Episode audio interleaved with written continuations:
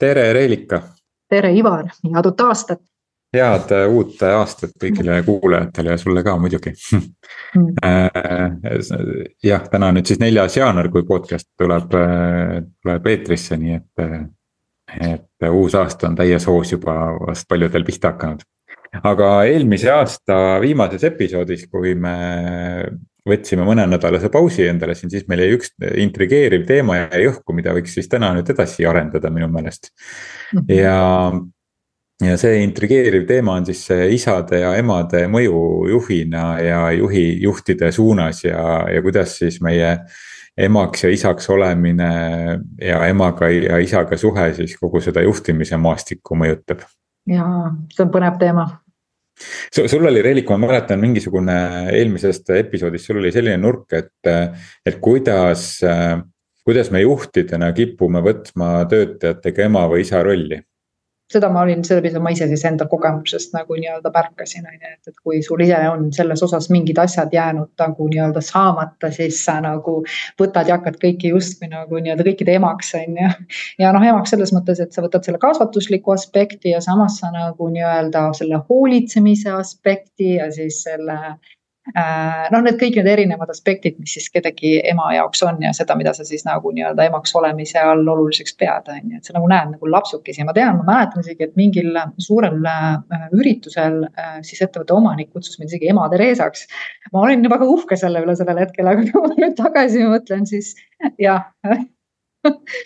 Ega, ega see ei olnud nagu, see oli lihtsalt mingi oma valu, mida sa sellest nagu äh, välja elasid aga ta, ta, ta toetas ja ta töötas, ta töötas minu jaoks sellel ajal ja kindlasti sai sellelt, sellelt tasandilt loodud väga palju ilusat ka, on ju. Ma oma raamatus äh, nimetan seda tegevuslapsestamiseks, mitte lapsendamiseks, aga lapsestamiseks. Ja ma mäletan, kui mu raamatu toimetamine oli, siis toimetaja küsis, et sihukest sõna ei eksisteeri, et. et kas sa mõtled lapsendamist, aga siis ta kuidagi ei sobitu konteksti, ma ütlesin, et ei, ma mõtlen lapsestamist. Ehk et me teemegi oma, oma meeskonnaliikmed justkui noh, muudame lasteks ja mhm. sellest on, mul ei tule nüüd see autor, äh, Erik Byrne vist on selle autori nimi, kes on äh, ka nagu kirjutanud ja, ja, ja uurinud seda, et, äh, et kuidas me kipume vanem ja laps suhet üle kandma töökollektiivi mm.. Tal on oma nagu teooria selle kohta, kuidas võiks täiskasvanu täiskasvanuga suhelda. või siis, kui on nagu laps ja vanem tasandil suhtlus, et kuidas see siis töökollektiivis toimib ja mõjutab. Ja ja, ja samamoodi me kipume, mida ma ise nagu olen, kui ma räägin kuskil organisatsioonis näiteks täiskasvanute toetamiseks või õpetamisest, et siis. toonud seda paralleeli, et me, me tihti ka näiteks töö kontekstis kanname üle teiste uute inimeste õpetamise puhul näiteks mm -hmm. kanname üle need asjad, mida me oleme õppinud äh, pedagoogi ja õpilane suhtest. ehk et ka jälle sellest laps ja lapsevanemast, me lähme sellisest pedagoogi kaudu sihuke lapsele sobivate töövõtete kaudu siis õpetama täiskasvanud inimest, aga need on noh, väga erinevad. et laste õpetamisel kõigepealt on, on teooria ja siis ta saab praktika ja täiskasvanud inimene kõigepealt saab praktika ja siis ta saab teooria, siis ta süstematiseerib selle enda jaoks, need on nagu väga, väga erinevad vaatenurgad. aga väga tihti, kuidas me organisatsioonis ka teeme, me lähme, kõigepealt anname hästi palju, loe kõik need juhendid läbi, kõik materjalid loe läbi, on ju. ja siis küsi, kui sul on mingeid küsimusi ja siis noh, siis hakkame tööle ja, aga noh, see ei tööta, et selliselt täiskasvanud inimene ei õpi ja see on samamoodi, see on lapsestamise tasand minu meelest. on, no küll aga selle koha pealt on nagu huvitav, et kui ma ennast tagasi vaatan, siis äh, küllalt nagu mulle meeldivad nagu siuksed, kuidas ma ütlen siis täiskasvanud lapsed või siuksed nagu teismelised lapsed on ju, mitte päris nagu beebid ja, ja seal kohapeal sa nagu natukene teisalt näed, sa küll annad nendele teatava vabaduse. Küll aga sa vaatad kõik sammud ette ja tunned kogu aeg nagu nii, et sa oled nagu vastutav kõikide eest on ju ma isegi tabasin ennast nagu märkimas, et vastutamine nagu nii-öelda inimeste eest oli see koht, mida ma nagu kandsin, on ju. ja, ja muidugi noh, nagu ma eelmises episoodis ütlesin, et ega ta, eks ta sai sellest ka alguse, et ma nagu see naistel tüüpiline on, et me väga sageli ei väärtusta ennast emana. me nagu nii-öelda näeme kõiki neid kohti, mida me nagu pole piisavad, on ju, et eks see on ka selline koht, kuidas sa üritad siis seda kompenseerida, on ju. et oma emadust äh, vastu võtta, on ju, kuigi muidugi täna sa saad aru, et sa saad oma emadust vastu võtta ka teisiti, on ju aga, aga toona see oli võib-olla ainuke koht, kus sa tundsid, et jah, et, et sind on nagu vaja, sa saadki nagu hoolitseda ja saad seda kõike teha, mitte midagi, et selles midagi halba on, et kõik, kõik on nagu absoluutselt väga hästi, et aga lihtsalt, kui sa seda märkad. siis sa, siis sa saad nagu nii-öelda sellest teatud muutust luua, sellepärast et noh, meil ei ole mõtet võtta teiste inimeste väge ära, on ju, kõik inimesed on ikkagi tegelikult väga võimekad ja, ja nende valiku küsimus on ja. ja olles nagu nii-öelda täna siis äh, juhendaja ja, ja võib-olla sihukeses elutee kaasaskäijana siis sa pigem tead seda, et sa võib-olla nagu näitad aeg-ajalt valikuid välja, et sa nagu ei suru kedagi enam, on ju, et sul ei ole seda egoistlikku tahet, et kõik peab tohutult muutuma, aga küll, aga sa oled selle koha peal, kes on võimeline nagu näitama erinevaid teid, on ju. ja tutvustama võimalusi, aga valikut peab igaüks iseenesest on võimeline seda tegema sa tõid hästi hea nagu aspekti siia oma sõnakasutuse sees lihtsalt, et, et noh, vastutus inimeste eest on ju, et. et vaata, kui see on alaealine laps on ju, siis et jah, et kui sa nagu vastutad äh, teiste, teiste inimeste eest, et, et siis alaealiste puhul sa vastutadki äh, lapsevanemana. ja, ja kui me läheme töö konteksti, siis väga tihti me kasutame töö kontekstis ka seda, et noh, juht vastutab. ehk et ja, ja kuna, aga kuna me oleme ära õppinud selle vastutuse teema sellise laps ja, ja lapsevanema äh, suhte pealt, siis me kanname selle samamoodi töö konteksti üle et aga tema on see, kes jälgib, kui mingi jamaks läheb, noh siis tema, tema tegeleb sellega või. või, või tema ülesanne on kanda hoolt selle eest, et mul oleks motivatsioon olemas ja tahe olemas, et ma jõuaksin õigetesse kohtadesse õigeks ajaks ja mul oleks kõik teada, mis ma pean tegema ja.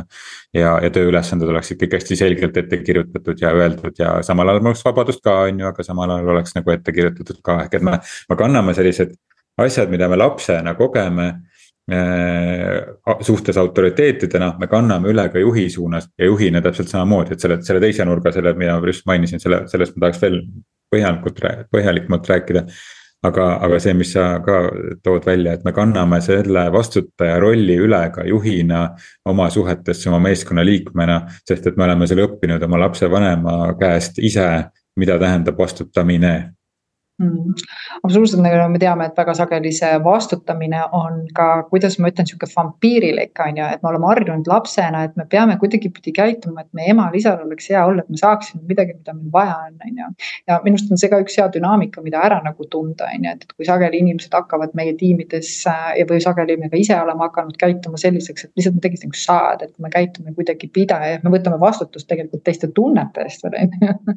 ja see läheb nagu päris põnevaks, et jah, et kui me nendest nendest ema-laste mängudest hakkame nagu kasvama välja, siis me saame tegelikult teha ikkagi täiskasvanute valikut, on ju, et, et see on ka nagu, nagu huvitav. ja nagu sa tõid, mitte üksainuke pool pole see, et ka täna juhina nähes äh, kõrvalt ja ma olen päris mitmes kohas valgustanud ka nagu ütleme siis juhtide alluvuses töötavaid inimesi, ka nemad näevad nagu juhte ja jagelevad ja kaklevad ja on rahulolematud, justkui nagu oleksid oma vanematega see on nagu nii huvitav tendents ja ma seda praegu, et igale oma juhtimiskoolitusele toon seda sisse, et, et, et see, mida me mida me oma juhis otsime, on väga tihti on see seotud sellega, et mida ma otsin oma isas või emas. Mhm. ja seal omakorda tuleb siis see, kas on nagu naisjuht või meesjuht ja need, need, neid, neid ala, alakihte tuleb sellele päris palju.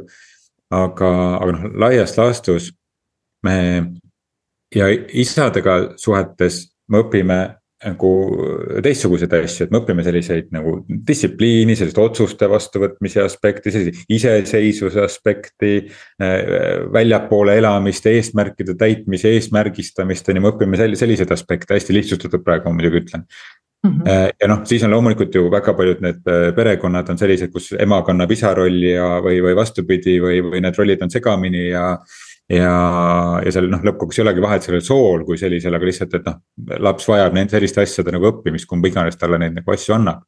ja siis, kui me tuleme nüüd nagu töö konteksti, siis me kanname selle nagu copy paste'ina üle, sest et kes on vanem lapse jaoks on autoriteet. ja kes on juht töötaja jaoks on autoriteet, ehk et autoriteet, autoriteet, alateadlik suhe kandub lihtsalt üle, kuigi tegelikult, kui me ei ole sellesse sisse vaadanud mm,.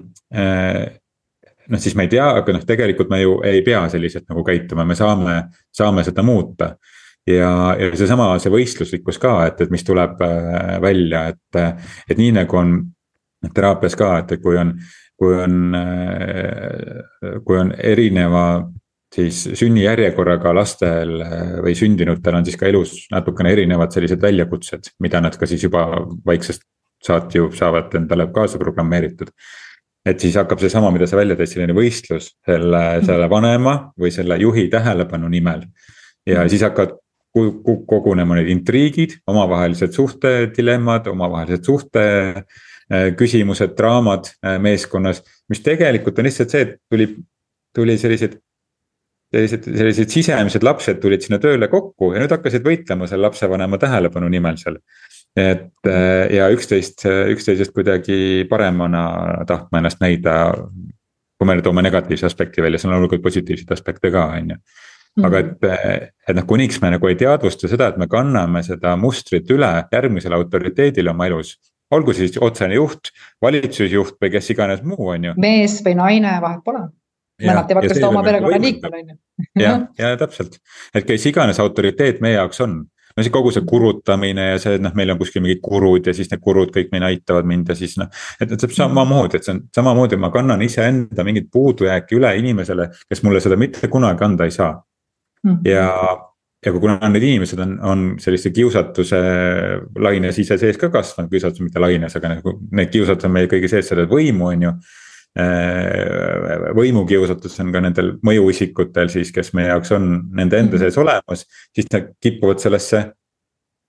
võrku nagu kinni kukkuma, on ju, ja siis me olemegi seal kõik, teeme koos, ma ei tea parimat ettevõtet või toodame parimat toodet või pakume parimat teenust, tühjagi me pakume parimat teenust, me lihtsalt võistleme, et kumb, kumb rohkem oma tähelepanu saab või, või tähelepanu Äh, ära annab ja, ja kas ikka saab võrdselt äh, kommi ehk et palka võrreldes teisega või ei saa teise lapsega võrdselt kommi ehk palka ja nii edasi ja nii edasi jah, et kui sa vaatadki sellest, sa tõid väga hea pointi välja, et, et äh, väga sageli, kui me tuleme nagu nii-öelda töökeskkonda, noh, mul ei ole nagu pikalt olnud seda kohta, et oleks justkui keegi kommionu või kommitädi olnud, sest nii kaua aega oled sa oled sa saanud olla nagu oma sellises autentsuses on ju, küll aga ma mäletan ka oma nagu nooruspõlve nagu töökogemusi, seal oli küllalt see, et et sa pidid kuidagipidi käituma ja olema mingisugune just sellepärast ja see autoriteet, ütleme, juht oli alati sinu jaoks nagu pjedestaalil on ju ta oli justkui sinust kõrgem ja sellepärast juba sa pidid kuidagi käituma, et saada palka, on ju. ja no sa nagu nii-öelda tegid kõik selleks, et nagu nii-öelda olla see hea laps, sellepärast et sealt tuleb ju nii-öelda nii-öelda see, see palgakene, on ju aga mida enam sa hakkasid nagu mõistma, et tegelikult see, see autonoomsus on sinu enese sees ja, ja sa nagu nii-öelda lõid lihtsalt nagu võrdseid suhet, sest päeva lõpuks kõik on niikuinii suhtes, on ju.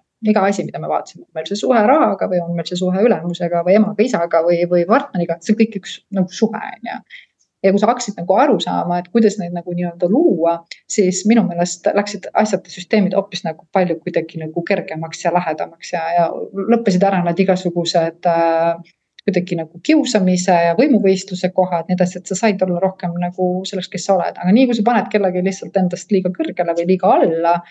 no siis need nii-öelda siis mängud käivadki, on ju. Et see, see tähelepanu võiks ikkagi olla kogu aeg äh, nagu nii-öelda enese keskmes, on ju. Mitte kellegi peal, kuidas keegi on või mis keegi teeb ja, ja no see eeldabki seda, et ma nagu teadvustan endale seda, et see muster üldse minu sees äh, toimib, et siis ma saan hakata ka tegema valikut, et kas ma kasutan seda ülekannet siin praegu või mitte. et sa tõid välja selle, et noh, et, et mingil hetkel nagu justkui pidid käituma nagu hea lapsena on ju ka juhi suunas, et noh, siis saab, saab mingisuguse hüve, on ju.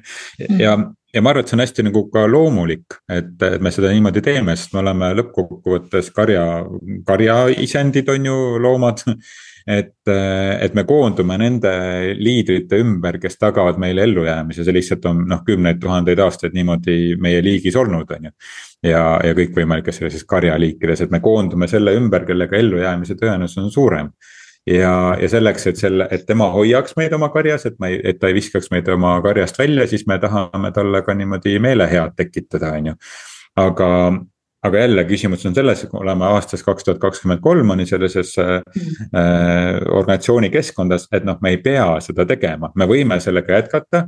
aga see, mida me selle tulemusena saame, me saamegi sellise nagu noh, Karpman nimetab seda draama kolmnurkaks on ju, kus keegi päästab kedagi, keegi on millegi ohver, keegi on agressor või süüdistaja või kontrollija. ja siis need kolm tükki vahetavad seal rolle omavahel. aga noh, mingit uut väärtust me otseselt nagu ei loo, et me nagu kordame sedasama nagu mustrit nagu uuesti ja uuesti et, et me ei loo nagu midagi nagu nii väga, nii väga uut, me noh, korjame nagu nüüd aasta alguses välja nagu eelmise aasta slaidid, mis me aasta alguses tegime, et kuidas nüüd kaks tuhat kakskümmend kolm, mis kõik me teeme, vaatame, enam-vähem samad asjad on meil sinna kirjutatud, on ju, või. või keegi leiab äh, mingi korist-, koristame või kolime ühest organisatsiooni äh, ruumist teise, on ju, võtame sahtlist oma presentatsioonid välja ja vaatame suurte sihtide slaide, et noh arvatavasti aastal kaks tuhat üheksateist olid samad asjad sinna algusesse kirjutatud, mis kaks tuhat kakskümmend neli, et, et noh, me kordame sama mustreid lihtsalt täpselt ja, ja noh, ehk et me oleme ikkagi jälle selles sama, samas valukehas on ju nii-öelda edasi, et, et ta ei ole veel tulnud nagu valgusse kätte, et, kõige asi, mis ei ole valgustatud, see jääbki nagu korduma, on ju, kuni sa nagu selle ära märkad. teine asi, mida mina olen praegu nagu võib-olla tiimides märganud, on see tohutu piiride seadmise aeg, on ju, et noh, natuke nagu seal lapsepõlves, kui sa hakkad välja kasvama, siis sa hakkad nüüd seadma neid piire, vaata, on ju. ja ma olen nagu mitmest kohast nagu kutsunud inimesi nagu selle koha pealt teadlikkusse, et piire sa ei sea teistele, vaid iseendale. et kiputakse nüüd minema siis võitlema oma piiride pärast on ju. siin on minu piir, see on minu jaoks, seda ma tolereerin, seda mitte, siis ma olen ikka nagu alati armastanud nagu öelda, et, et piirid on enda jaoks ja see, et sa lubad endal nagu näiteks edaspidi, kas mitte suhelda või, äh, või astuda ära nendest kohtadest, mis sulle ei meeldi, need on enda jaoks, et sul pole mõtet teistele piire nagu hakata seadma. Et see on ka nagu huvitav, ma ei tea, kas sina oled seda trendi märganud või mitte, aga, aga ma ei tea, kas kuskilt pidi on mingit palju nagu infot jagatud või, või ongi see selline ärkamise aeg, kus kus see piiride kehtestamine on tulnud üha nagu enam, sest väiksena väga paljudes peredes tegelikult pole üldse neid piire kehtestatud, on ju, et ka väga sageli lapsele öeldakse, ma võtan sult ära. Need on need asjad, aga tegelikult mitte midagi nagu nii-öelda ei juhtu, on ju. et, et selline, selline, see piiride koht on olnudki meil suhteliselt sihuke ligadi-logadi ka, on ju jah, ja noh, kui on selline ebakindlam aeg, on ju, kui on meil selline tugev meediasõltuvus ka, et noh, siis kus on ju hästi palju äh, noh, meediaga tuleb kursis hoida sellega, et mis inimesed räägivad ja mis toimub, on ju. Mhm. kui on selline väga tugev sõltumus, et noh, mis on ju keskendunud nagu sellise negatiivse ohukohtadele nagu väljatoomisele väga paljuski. et siis, siis tekibki tunne, et ma pean noh, et hästi ebakindel on kõik kogu aeg, et kogu mhm. aeg midagi võib juhtuda. ja siis ma tahangi ju luua sellist äh, kindlustunnet enda jaoks ja, ja siis ma seda kindlustunnet hakkangi looma läbi selle, et ma loon mingisugused piirid, mingid raamid peaksid ikka paigas olema ja see ei ole protseduurireeglites ju kirjas ja selle, selleks võiks mingi protseduurireegli mm -hmm. teha. eks see sõltub muidugi organisatsiooni arenguetapist ka, et, et, et aga. aga, aga no ühiskonnast laia, kui nagu laiemalt, kui on ebakindel aeg, siis inimesed tahavad rohkem nagu reegleid saada, aga tegelikult siis on just vastupidi. ebakindlatel ajal on vaja mingit luua midagi uut, on ju, aga sa ei saa nagu midagi uut sünnitada või luua, kui sa, kui seal on reeglid nagu väga tugevalt paigas, sest et loovus äh, on siis piiratud, on ju, et see on. see on asi, mida ma arvan, nagu juhid peavad olema hästi teadlikult äh, juhtima, aga kuna ka juhtide sees hakkab seesama ebakindlus tulema äh, ja jällegi väga suur osa meie põlvkonnas juhtidest on kasvanud ilma isata, kes võiks inimestele õpetada sellist sisemist enesekindlust ja hakkamasaamist ja nii edasi, on ju. siis siis noh, seda olulisem on see, et juht on tegelenud iseendaga ja ta ei lähe selle, selle, selle impulsiga kaasa, vaid ta suudab seda iseendaga rahu seal säilitada. et, mm. et ta peab olema iseendaga tegelenud eh, niivõrd palju, et ta ei kao siis sellesse võrku seal ära, need. nagu ma siin enne kirjeldasin seda ühte võrku, kuhu saab ära püünisest see, kuhu saab kinni jääda või see, kuhu me praegu oleme jõudnud, et. et, et noh, aina rohkem on sellises ebakindlas ajas oluline, et juht ei lähe sellise hüsteeriaga kaasa, vaid suudab olla enda keskmes. aga enda keskmeks tulemiseks on vaja iseenda kohta kõigepealt õppida tundma midagi, milleks on noh, siis meil kõikvõimalikud äh, üks-ühele meetodid siis olemas turul on ju absoluutselt, ma arvan ka, et, et see, see kindlus ja see rahu on ikkagi see, mida me ise endale saame siis äh, seda kvaliteeti luua enda sees. ehk et need ebakindlad allukad on väga head kohad endale ju kinnitamiseks, et tegelikult on, on kõik rahulik. aga noh, eks see jookseb ikkagi sinna, et kui hakkab täna, mida mina olen märganud, et võib-olla see, et kui sa oled ise juba nii teadlik, sa märkad ära, kui palju inimesed elavad mõtetes, arvataski, et nad on mõtted nii nagu naljakas, ma ikka vahel küsin, et kes seda nüüd nagu räägib, kas see on nüüd mõte või, oled see sina ja mõnikord inimesed ehmatavad täitsa ära. Nad nii reaalselt usuvad, et see, need mõtted ongi nagu nemad ja need tunded ja emotsioonid on nagu nii nemad ja need, need nagu need olukorrad võtavad nende üle kontrolli ja see on minu arust esimene märk sellest, kus mis, mis ma tegelikult usuldan ka seda, et kui sul saab ükskord sellest kõigest nii siiber siis niikuinii leiad selle tee sinna enese nagu nii-öelda siis tundmise, teadmise nagu kohta on ju.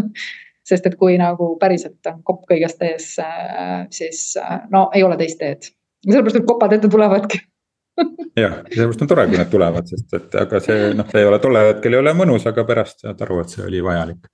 aga tulles nüüd meie selle kuidagi võttes seda teemat nüüd nagu kokku või, või niimoodi pakkida ta kokku, et ähm, et siin on nagu mitu nurka, et üks oli see, mis sa, mis sina avasid, et just, et me kipume ise juhina käituma siis lapsevanemana oma juhitavate äh, suunas.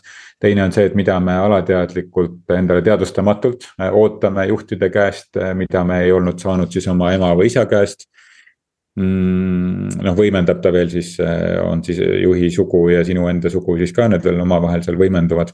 Mm, ja ja mingi aspekt, üks aspekt oli veel, veel ju veel, et see, mm, see võistluslik, äh, võistluslikkus äh, töötajate vahel selle autoriteedi tähelepanu nimel, et äh, ma arvan, et nagu kõige olulisem asi on see, et me üldse hakkame esimese asjana nagu teadvustama seda mm.. ja nüüd siis me hakkame tegelema sellega, et näiteks, mida ma teraapias teen, teen, on ju, et ka juhtidega, et. et kui see teema tuleb üles, et, et, et me päriselt tegeleme kas me tegeleme suhtega ema, ema, isaga, on nad surnud või elus, vahet ei ole, on ju, et see, see, mhm. see suhtumist sa saad asjasse muuta, on ju. et äh, tegeleme sellega või siis tegeleme juhiga suhtega. ja enamasti noh, mida ma näen ka teraapias, et kui on juhiga mingi suhe või juhiga mingi teema, nii mentorluses samamoodi. et siis see viib tagasi sellesse, et see on mingi korduv muster ema või isa suhte juures, nii et ikkagi tuleb tegeleda selle suhtega esmalt iseenda sees. et noh, kui ta veel, kui saab ka nagu elus oleva inimesega suhelda, on tore aga iseenda sees selle suhtega tegelemine on nagu mm, A ja O, et ma ei kannaks nagu alateadlikult üle neid asju, mis lõppkokkuvõttes löövad tööl ja kõikides suhetes ümberringi löövad.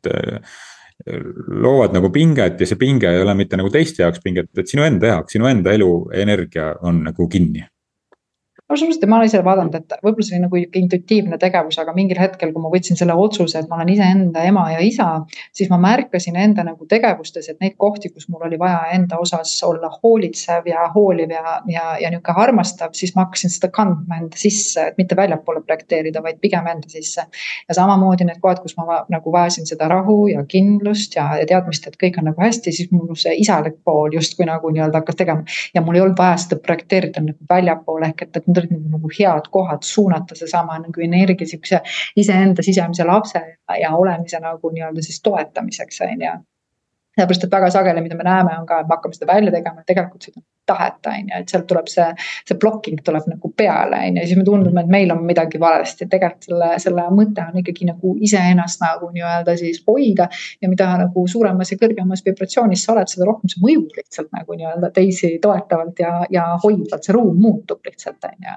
et me arvame, et me peame tohutult kõiki nagu nii-öelda, ma ei tea, aitama, toetama, päästma, ma mäletan ka coach'ina oli väga keeruline see koht välja tulla, et.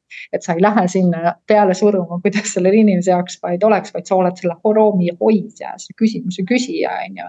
ja valgustust näitad sinna kohta, kuhu nagu nii-öelda see inimene tahab nagu, mis tahab teadlikuks saada, on ju aga nagu muu selle ego sa lükkad nagu justkui nagu kõrvale, et, et jah, et rakendada ema-isa võib-olla kohta iseendale, nagu sa ka välja tõid jah, just, et, et noh, kui sa oled juba kaheksateist saanud, et siis tegelikult sellel emal ja isal ei ole sinuga enam mitte mingit nagu selles mõttes mingi mingit nagu pistmist enam, et. et siis sa, sa pead ise olema iseendale oma isa ja oma ema on ju, et sul ei ole mõtet neid pretensioone sinna nagu ette laduda, noh kui see inimene on ka elus, on ju et, et sa pead noh, tema, tema vastutus ei ole enam sinu hea elu eest niikuinii seista. ja sinu juhi vastutus ka ei ole ehk et äh, ainult sinu enda oma on, nii et äh, sinu elukaaslase oma ka ei ole. terapeudi oma ka ei ole, coach'i oma ka ei ole, on ju, noh et, et, et sinu enda oma, aga, aga noh, oluline ongi see, et ma märkan ära, et mul on see enda sisemine laps ja neid on palju, neid on seal terve lasteaed on, on ju, kellel on erinevates situatsioonides. Äh, kas olnud siis väga tore ja õnnelik olla, kus saab siis potentsiaali ammutada mm -hmm. juurde või siis ei ole väga tore olnud, et seda tuleb. nagu sellega tegeleda ja samamoodi on su sees olemas su enda sisemine ema ja isa, kes sulle siis kõiki neid ideaal ema ja isa äh,. rolle mängivad rolle võiks siis äh, pakkuda just nimelt ideaalis, sest päriselus neid ideaale ei eksisteeri mitte kunagi. Äh, aga, aga Äh, noh, nii-öelda, et sinu füüsilise ema või isa, isa käest sa ei saa, sul ei ole võimalik kõike niimoodi saada, et äh, ma usun. Võib-olla kellelgi on, aga noh, et, et sa oled iseenda jaoks oma ema või oma isa lõppkokkuvõttes, mitte see juht ma võib-olla lisaks siia nagu selle koha, et me oleme siin rääkinud nais ja mees nagu sihukesest tasakaalust või harmooniast enda sees, tema-isa harmooniast enda sees, et äh, minu meelest see nagu nii-öelda viibki sellisesse kuidagi nagu nii-öelda heasse olemisse sind ja et sa integreerid kõik endas. et väga sageli tahetakse seda ego välja visata, et see osa mulle ei meeldi, see mulle ei meeldi, see ei sobi, aga vastupidi, ma arvan, autentsuse ja enesearmastuse ja enese nagu realiseeri-, ütleme siis teadlikkuse koht on see, et sa tood kõik need enda sisse ikkagi nagu kokku, sa integreerid kõik selle, kes sa nagu nii-öelda oled, on ju, et miski osa ei käi sulle enam enda osas nagu vastu. et ja, ja, ja tegelikult midagi pole öelda, mu maailm muutub palju rahulikumaks ka et seda on nii armas vaadata. ja mida see integreerimine tähendab, integreerimine tähendabki eesti keeles, et sa lubad mm -hmm. endal midagi avaldada, nii et mm. -hmm jah, et kui me, kui me saame enda kohta midagi teada, siis meie psüühika rahunebki maha ja, ja me mm -hmm. muutumegi rahulikumaks, et see on täitsa. Noh, nii see töötabki et sellepärast see teadlikkus ongi oluline, et siis me lihtsalt rahuneme maha, me saame oluliselt kergemalt ja nagu rohkema naudinguga elu elada just, see läheb meelelaadidega kaasa, on ju, on see ootamine või, või, või mingi rahulolematus või whatever, on ju, vaid sa nagu lihtsalt oledki enda olemises, et seda tähendabki olevikus ja praegusel hetkel olemine, on ju. jah no võtame kokku tänaseks selle asja siis. emad-isad, naised-mehed. jah, et ole, ole siis iseendale see, mida sa, mida sa vajad, et siis paku seda. Absoluutselt iseendale, alustuseks ja siis. aga aitäh sulle. kohtume taas järgmisel nädalal, aitäh sulle ka. ja kohtumiseni. tšau. tšau.